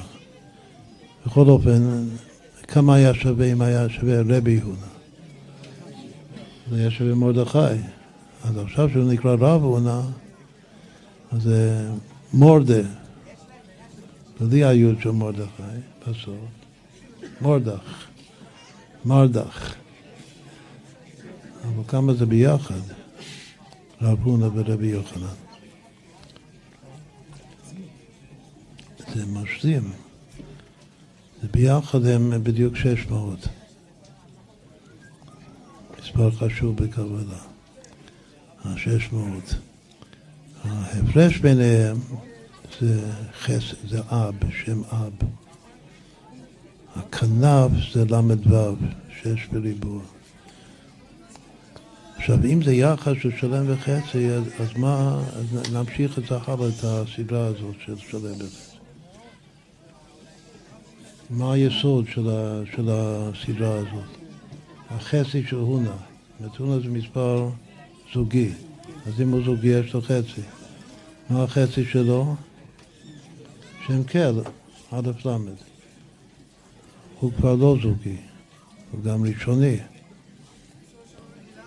אז יש לנו קל, והונה, ויוחנן, מה בא אחר כך? אברהם, מה בא אחר כך? מלכות. מה זה אברהם? חצי המלכות. עד חצי המלכות. אז רואים שכל הסדרה הזאת זה רמוז בתוך המגילה. זו סדרה סדרת עד חצי המלכות. שיש מלכות, יש חצי המלכות שזה אברהם, יש חצי אברהם שזה יוחנן, יש חצי יוחנן שזה הונה, והחצי שלו זה קר. כמה זה כל חמש המדרגות האלה ביחד? קר, הונה, יוחנן, אברהם, מלכות. הרי כל המגילה זה מגילה זה מלכות. צריך להגיע למלכות. חצי המלכות זה אברהם, לך לך אל הארץ של הרקע, שזה עד חצי המלכות. עקידת יצחק היה ב, במקום המקדש, שזה נקרא חצי המלכות. ושם כתוב אברהם אברהם, בגמטרי המלכות, בעקידה, בעקידת יצחק. אז כמה זה כל ה... מה? זה שווה קר בריבוע. יהיה עוד משהו כזה שיהיה שווה ריבוע? שיתחילו מאיזה מספר עשו ככה חמש פעמים, זה... כל מספר שנתחיל ונכפיל את זה חמש מקומות, זה, זה יקל פעמים המספר הראשון. אבל זה שזה יקל בריבוע זה רק מקרה שהמספר הראשון הוא באספונקר. זה עבודת בית. כל מספר n, ואחר כך שני n וארבע ושמונה ושש עשרה, אז יש שלושים ואחת פעמים n. אבל אם ה-n הראשון, המספר הראשון זה, זה בעצמו שלושים ואחת, לכן עד, עד המלכות, דרך חצי המלכות, מיוחנן, מהונה ליוחנן וכו', זה יהיה קל בריבוע. עכשיו, מלכות זה קלבי משולש. מה הכלל בחשבון? שכל ריבוע של n הוא המשולש של n פלוס המשולש של n מינוס 1. כלומר ש-31 ועוד הונה ועוד יוחנן ועוד אברהם זה בעצם המשולש של 30. ואחר כך במלכות, שזה המשולש של 31, וביחד זה הריבוע 31. זה היה מאמר מוזכר של אה, חשבון יפה, מי זה, מי זה, מי זה רבי יוחנן, מי זה רב הונא ולמה זה קשור. זה לא פעם. רבי יוחנן הכל זה מחלוקת בתוקף, את כל תוקף. אבל רב הונא זה משהו הרבה יותר פסיכולוגי, השלם הנפשי, שזה הכל מחלוקת במה ראו על כך או מה הגיע עליהם. עכשיו, מה זה אחשוורוש? מה, מה הוא ראה להשתמש בכלי המקדש במשתה שלו? על ככה, היה פה איזה, מה זה ככה אצל הבעל שם טוב? ככה זה כתר כל הכתרים. אז קרה פה איזה משהו לא מובן. עברו 70 שנה, הוא היה בקיא בנביא, והוא ידע שירמיהו הנביא אמר נבואה מפי השם שהגלות של עם ישראל יהיה 70 שנה. וכבר עברו, לפי החשבון המוטעה שלו, לפי החשבון שלו, כבר עברו ה-70 שנה ולא נגדו ולא איפרו.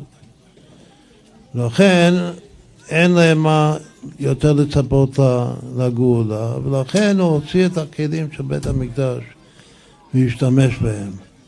אבל מה, מה, ומה הגיע עליהם? מה הגיע לו בגלל זה? הגיע לו שהוא השתבש בשכל. עוד פעם, מי שמשתמש בדבר של קדושה שזה לא ראוי לו, שבעצם הוא מועל, אז מש, משתבש לו השכל. ואז מה הוא עשה? הוא הרג את ושתי. כך חזר אומר. וככה פוסקים את ההלכה, בגלל שזו הסברה של רבי מאיר. שמה הוא ראה להשתמש בכלים של בית המקדש, על ככה, בגלל שהוא ראה על ככה שכבר עברו ה-70 שנה ולא נגאלו. ומה הגיע עליהם? שהוא הרג את אשתו.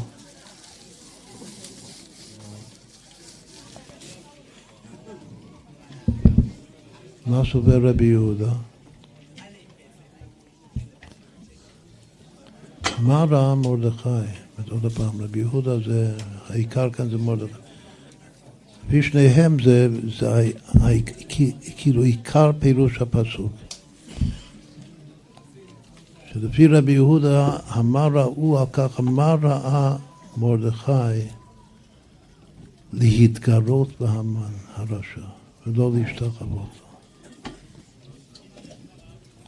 הרי סתם שר או מלך מותר להשתחוות, מה, מה הוא ראה לא להשתחוות? על ככה מה זה הככה של מרדכי?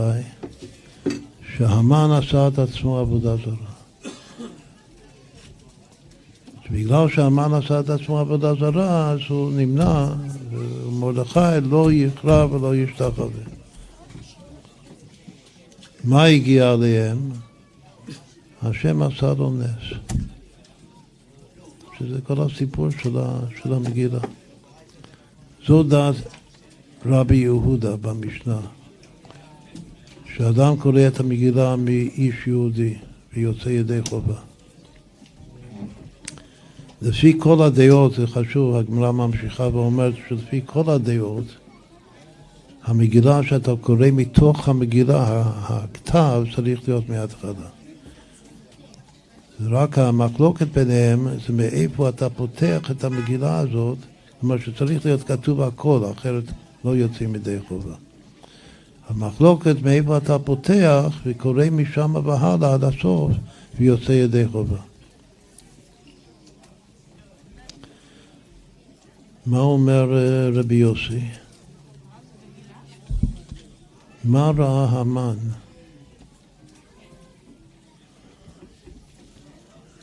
לגזור גזירה, להרוג, להשמיד, לאבד את כל היהודים. על ככה, בגלל, וזה כתוב בפירוש במגלה, בגלל שמרדכי לא השתחווה. זה הככה שלו. זה הרגיז אותו, הוציא אותו מדעתו. ומה הגיע עליהם? שתלו אותו ואת פניו על העץ, גבוה חמישים אמה. אחרון אחרון חביב, שזה מה שנקרא תוקפו של נס אצל רבי יוחנן. אצל רב הונא, מה ראה?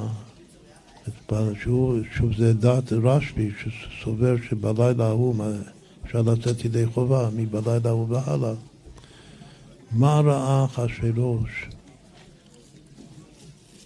להביא את ספר הזיכרונות? שיקראו לו בזמן שנולדה שנת המלך, שיביאו את ספר הזיכרונות. על ככה, מה זה על ככה? שהוא ראה שאסתר המלכה הזמינה גם את המן המשתה שלה, שהיא עשתה להם. הוא חשב ופחד שאולי הם יוזמים ביחד ביניהם להרוג אותו. ולכן הוא עשה חשבון למה האוהבים שלי לא אומרים לי כלום. אולי היה איזה אוהב שפעם עשה לי טובה ולא גמרתי לו תמורה ראויה לטובה שהוא עשה לי. לכן הוא לא חס עליי, לא הודיע לי. לכן הוא קרא להוציא את ספר הזיכרונות. מכאן מתחיל הנס. אז עוד פעם, לפי זה מה הפירוש של מה ראו ומה ראו ככה? שמה ראה בעצם זה חוזר לאחשוורוש. כמו שההתחלה זה היה אחשוורוש, לבני אז גם כאן זה אחשוורוש. מה ראה אחשוורוש להביא את ספר הזיכרונות? וככה, בגלל שהוא ראה שאסתר מזמינה גם את המן, הוא לא, לא הבין מה קורה כאן. ומה הגיע עליהם? מה הסוף? הסוף שוב זה כמו הדעה השנייה בעצם של מרדכי, שנעשה נס על ידו. בזכות ספר הזיכרונות שכתוב שם על מרדכי הביטן בתרש, שהוא הציל את חיי אחשוורוש, ואחשוורוש לא גמר איתו חסד אז.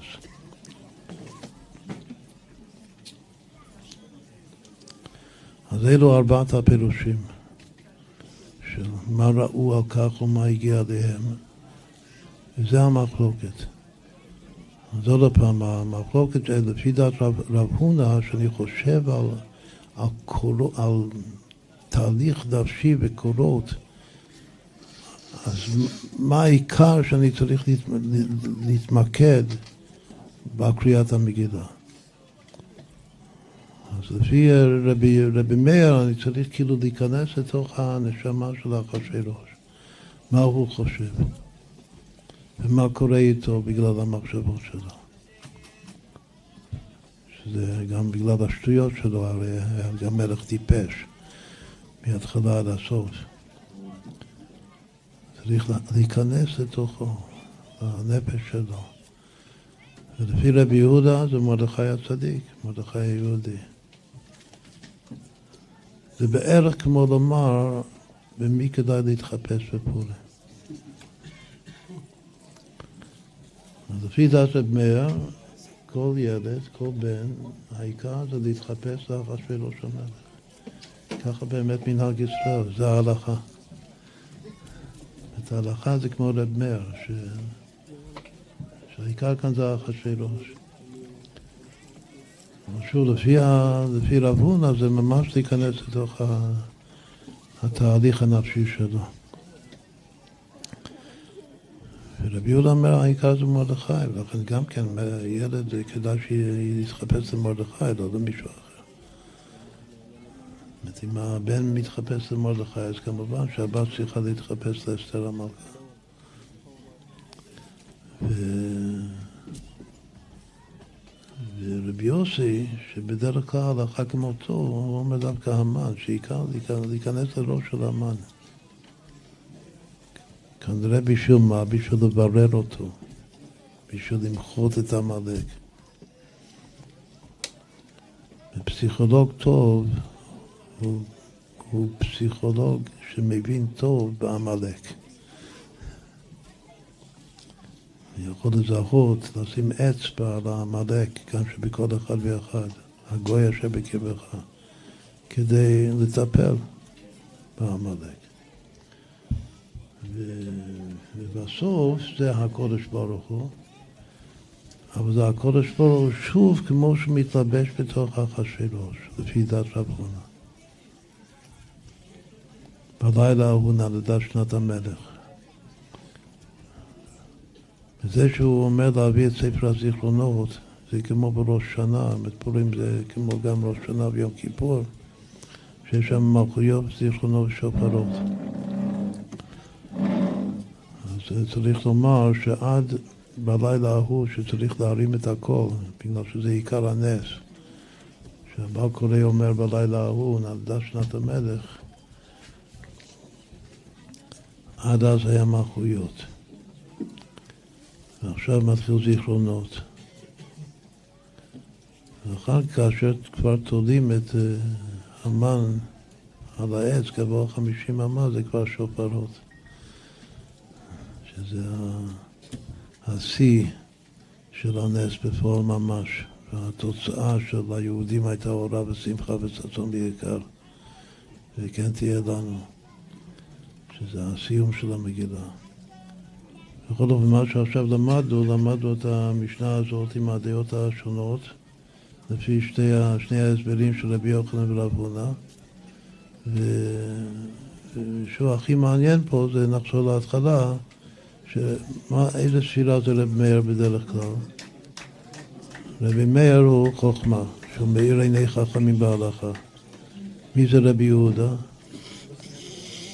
האריזו כותב שרבי יהודה זה חסד. שחסד זה יום הדעזים כולו יומין. יומם מצווה שם חסדו, שבעצם הוא כולל את כל המידות של הלב, והוא החסד. ככה כותב האריזה, ביחד לתלמידי רשב"י. מי זה רבי יוסי? שם באותו הקשר בין תלמידי רשב"י כתוב שרבי יוסי הוא המלכות. ולכן בדרך כלל פוסקים כמו רבי יוסי. זה התכלס, המלכות. אבל כאן פוסקים כמו רב מאיר, שזה הכי בולט כאן בסיפור. שפוסקים כמו רב מאיר, ומטעם, כאילו, החוכמה כאן זה להבין שצריך לקרוא את המגדל מההתחלה עד הסוף. למה? בגלל שההתחלה, ויהי בימי אחשוורוש, שהוא אחשוורוש המולך מאוד ועד כל העיקר. זה גם התוקף וזה גם כן עיקר המניע השכלי והנפשי שהמגילה רוצה למסור לנו, לספר לנו, ש... שנזדהה איתו, שנתקן אותו. כלומר שעיקר הפורים זה לתקן את האחשוורוש שבתוכנו. כל ישראל מלאכים, אתם תהיו לי ממלכת כהנים, גוי קדוש, כולנו מלאכים, כולנו בני מלאכים, וכולם הולכים מהסוף עד ההתחלה. לא מולכים מההתחלה עד הסוף. מלך שאחרית וראשית שלו. מהודו ועד כוש, כלומר שבעצם מכוש עד הודו. זה עוד חשבון. יש פה הרבה הרבה חשבונות שאנחנו לא אמרנו אותם בהשלמות. את כל החכמים כאן, חוץ מהסדרה של הונה ויוחנן שעשינו. רב מאיר ורבי יהודה ורבי יוסי ורשב"י. עוד פעם, אמרנו מאיר זה חוכמה ורבי יהודה זה חסד כתוב ורבי יוסי זה מלכות מי זה רשב"י. באידרא רשב"י הוא הדת. אבל הרבה פעמים רשב"י הוא הבינה, שזה זיהרא דאמא הילה, רבי שמעון בר יוחאי. זוהר, המשכילים יזהירו כזוהר הרקיע, לכן הוא כתב ספר הזוהר. אז לפי זה הי"ק ו"ק בין ארבעת החכמים כאן שהם מחוקים ב...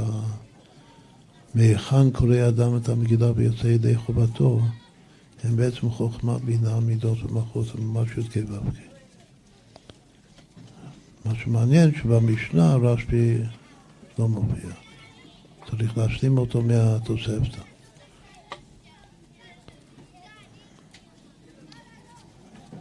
והכי מעניין זה כמו שאמרנו כבר כמה פעמים, שההלכה זה לא רשב"י ולא רבי יהודה ולא רבי יוסי, אלא דווקא רבי מאיר. שבין כולם, הכי משיח זה רבי מאיר.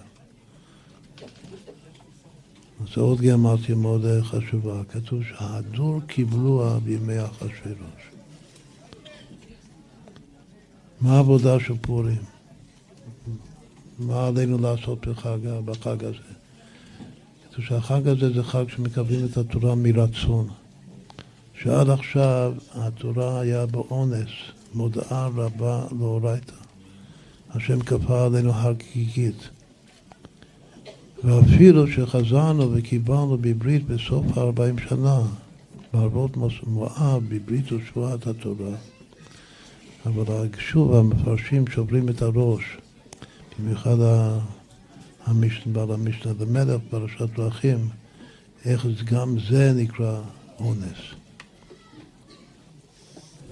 עוד פעם, זה צריך שיחה גדולה בפני עצמה. מסבירים שעד פורים התורה היה בעצם באונס. למה צדקיהו המלך לא מיכה בדור שלו? אז כתוב, הפרשת דרכים מסביר בשם הרשב"א, בשם המועריק, שני הסברים, אבל העיקר הוא שהוא סבר, צדקיהו המלך, שעם ישראל קיבל את התורה באונס. לכן אני לא צריך למחות בהם, לא שהם פטורים. אונס רק מונה פסרי. אבל מה כתוב בפורים? בפורים כתוב השתייה כדת אין אונס. פורים זה כבר חג של אין יותר טענת אונס, של מודעה רבה.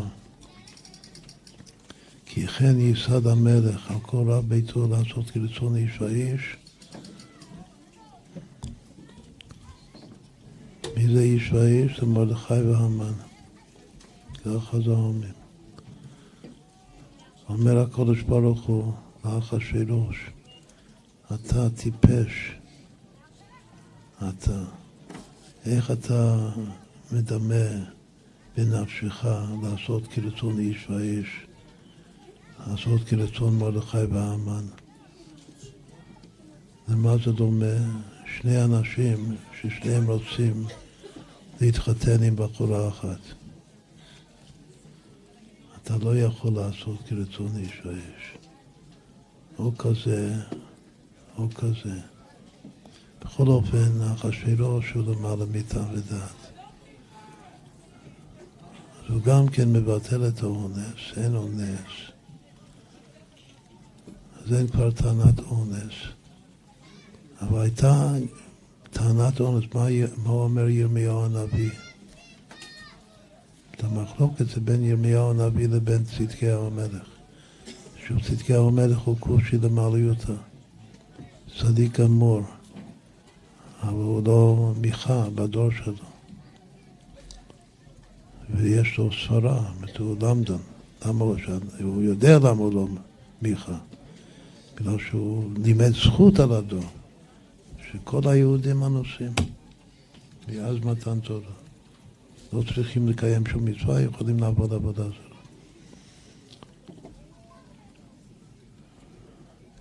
מה אומר ירמיהו הנביא? הוא אומר שלדעת הרשב"א, נאמר בקיצור נמרץ, לדעת הרשב"א, ארץ ישראל ניתנה, היהודים עכשיו נמצאים בארץ ישראל. ובארץ ישראל אין טענת אונס. בגלל שארץ ישראל ניתנה לעם אחרי מתן תורה, השם נתן את ארץ ישראל לעם על תנאי. ומה זה התנאי? התנאי שיקיימו תורה ומצוות. ואף על פי שבהתחלה קיבלו על אונס, אבל עכשיו זה משהו אחר, זה משהו חדש. שמה שנכנסו ויושבים בארץ ישראל זה על תנאי, אז הם חייבים, ולכן מה אומר ירמיהו הנביא לצדקיהו? תצא לכסתים, תצא לנבוכדנצר, תמסור תמסור את עצמך, תגלה לבבל, ושמה יחזור טענת האונס. כלומר שמחוץ לארץ ישראל יש, ככה סובר הרשב"א, שמחוץ לארץ ישראל יש טענת אונס. אבל כל זמן שיורשים את ארץ ישראל, טענת אונס. בגלל שארץ ישראל ניתנה לנו על תנאי שנקיים את התורה, והיא מה? אומר המוהריק? אומר לו שזה לא נכון. הוא חולק על הרש"ו בעצם. אומר שגם בארץ ישראל יש טענת אונס, כמו צדקיהו. אז מה הבעיה? זה כבר נוגע עכשיו לנו להפצת תורה גם לאומות העולם. זאת אומרת שטענת אונס זה גם סברה חשובה מאוד. בעצם זה חוזר להיות איזו מחלוקת בין רבנו תם ורי בעל התוספות. שטענת אונס זה רק לגבי המצוות שנוספו לעם ישראל במתן תורה. אבל אין טענת אונס ומודעה רבה לאורייתא על שבע מצוות בני נוח.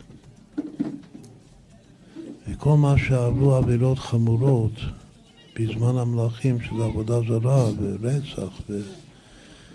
ועריות, זה הכל שבע מצוות בני נוח. ועל שבע מצוות בני נוח אין, אין טענת אונס מלכתחילה. לכן הוא לא צודק צדקיהו. כלומר שלפי שניהם יוצא שצדקיהו לא צדק. ירמיה הנביא אומר לו שאם יגלו, אז זה יכפר עליהם. לפי הרעש זה יכפר בגלל שבחוץ לארץ יש כן טענת אונס. לפי מוריק פשוט ש... שבגלות הם יחזרו, יתחפשו, ימצאו את עצמם. כמו שבאמת אנחנו רואים שהיהודים בגלות כבר לא, לא עובדים את העבודה הזולה וכו' כמו שהיה בארץ ישראל. חזרו. טוב, עד כאן זה, זה בקיצור לגבי זה. הגרמטיה האחרונה זה שוב, זה הביטוי הזה של חז"ל, הדור קיבלו בימי אחשוורוש. מה רואים מה, מהלשון הזה? כאילו עיקר, אמרנו שעיקר העבודה של פורים זה הדור קיבלו, שצריך לקבל מחדש מרצון את התורה. שבזמן מתן תורה זה היה כפה עליהם, ואפילו בערבות מואב זה גם כן היה, לפי דעה אחת היה על פי הדיבור, שזה נחשב גם כן כהכרח, שהשם הכריח אותנו. זה לא ברצון, גם לא. והרצון הגמור האמיתי, קיימו וקיבלו היהודים, שקיימו מה שקיבלו, קיבלו מה שקיימו, קיימו מה שקיבלו. כבר, וגם הפירוש השני שחזר, שקיימו למעלה מה שקיבלו למטה, שיש מסבירים שזה לפי הכתיב האקרי של המילה וקיבלו, אם כותבים את זה עם ו' בסוף או בלי ו' בסוף. שלפי הכתיב שזה בלי ו' בסוף, קיימו וקיבלו. אז זה כמו קיימו וקיבל, כמו שכתוב קודם, וקיבל היהודים, שדורשים את זה שזה הולך על משה קיבל תורה מסיני. שבעצם במתן תורה היחיד שקיבל מרצון זה משה רבנו. כל השאר זה היה אנוס. עכשיו קיימו מה שמשה רבנו קיבל. זה לפי הכתיב. לפי הקרי, שקיימו וקיבלו, זה מה שהיהודים קיבלו עליהם את, את ימי הפורים ואת את המגילה לי לדורות, וזה קיימו למעלה. ושהשם הסכים שהמגילה תהיה מצווה לנצח, שהימים האלו נזכרים ונעשים וכו'. בכל אופן, הדור קיבלו, כמה זה שווה הביטוי הזה? הדור קיבלו, הדור שווה צדקיהו. הדור קיבלוה. בימי אחשוורוש, זה הביטוי של חז"ל, כמה שווה משיח.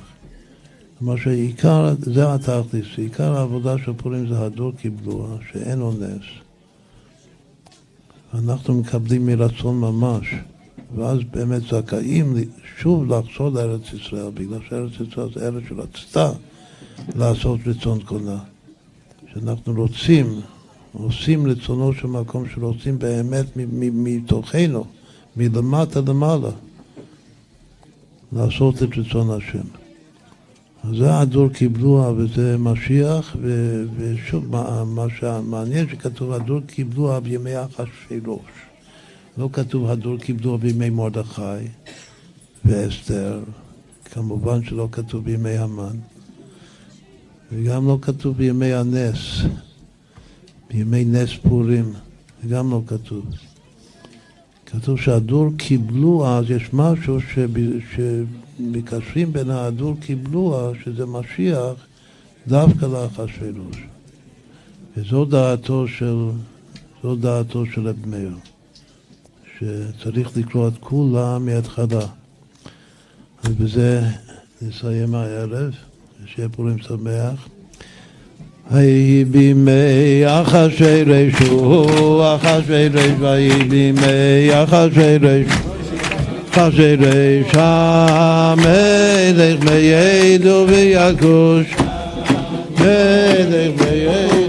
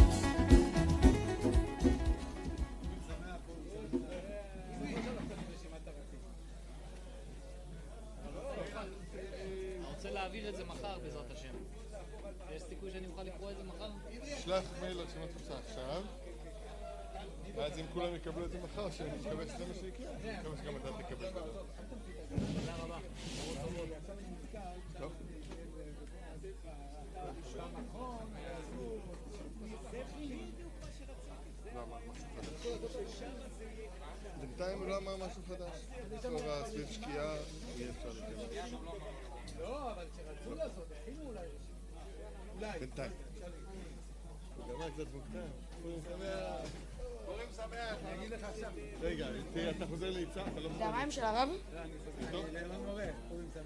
זה המים של הרב? תבדוק.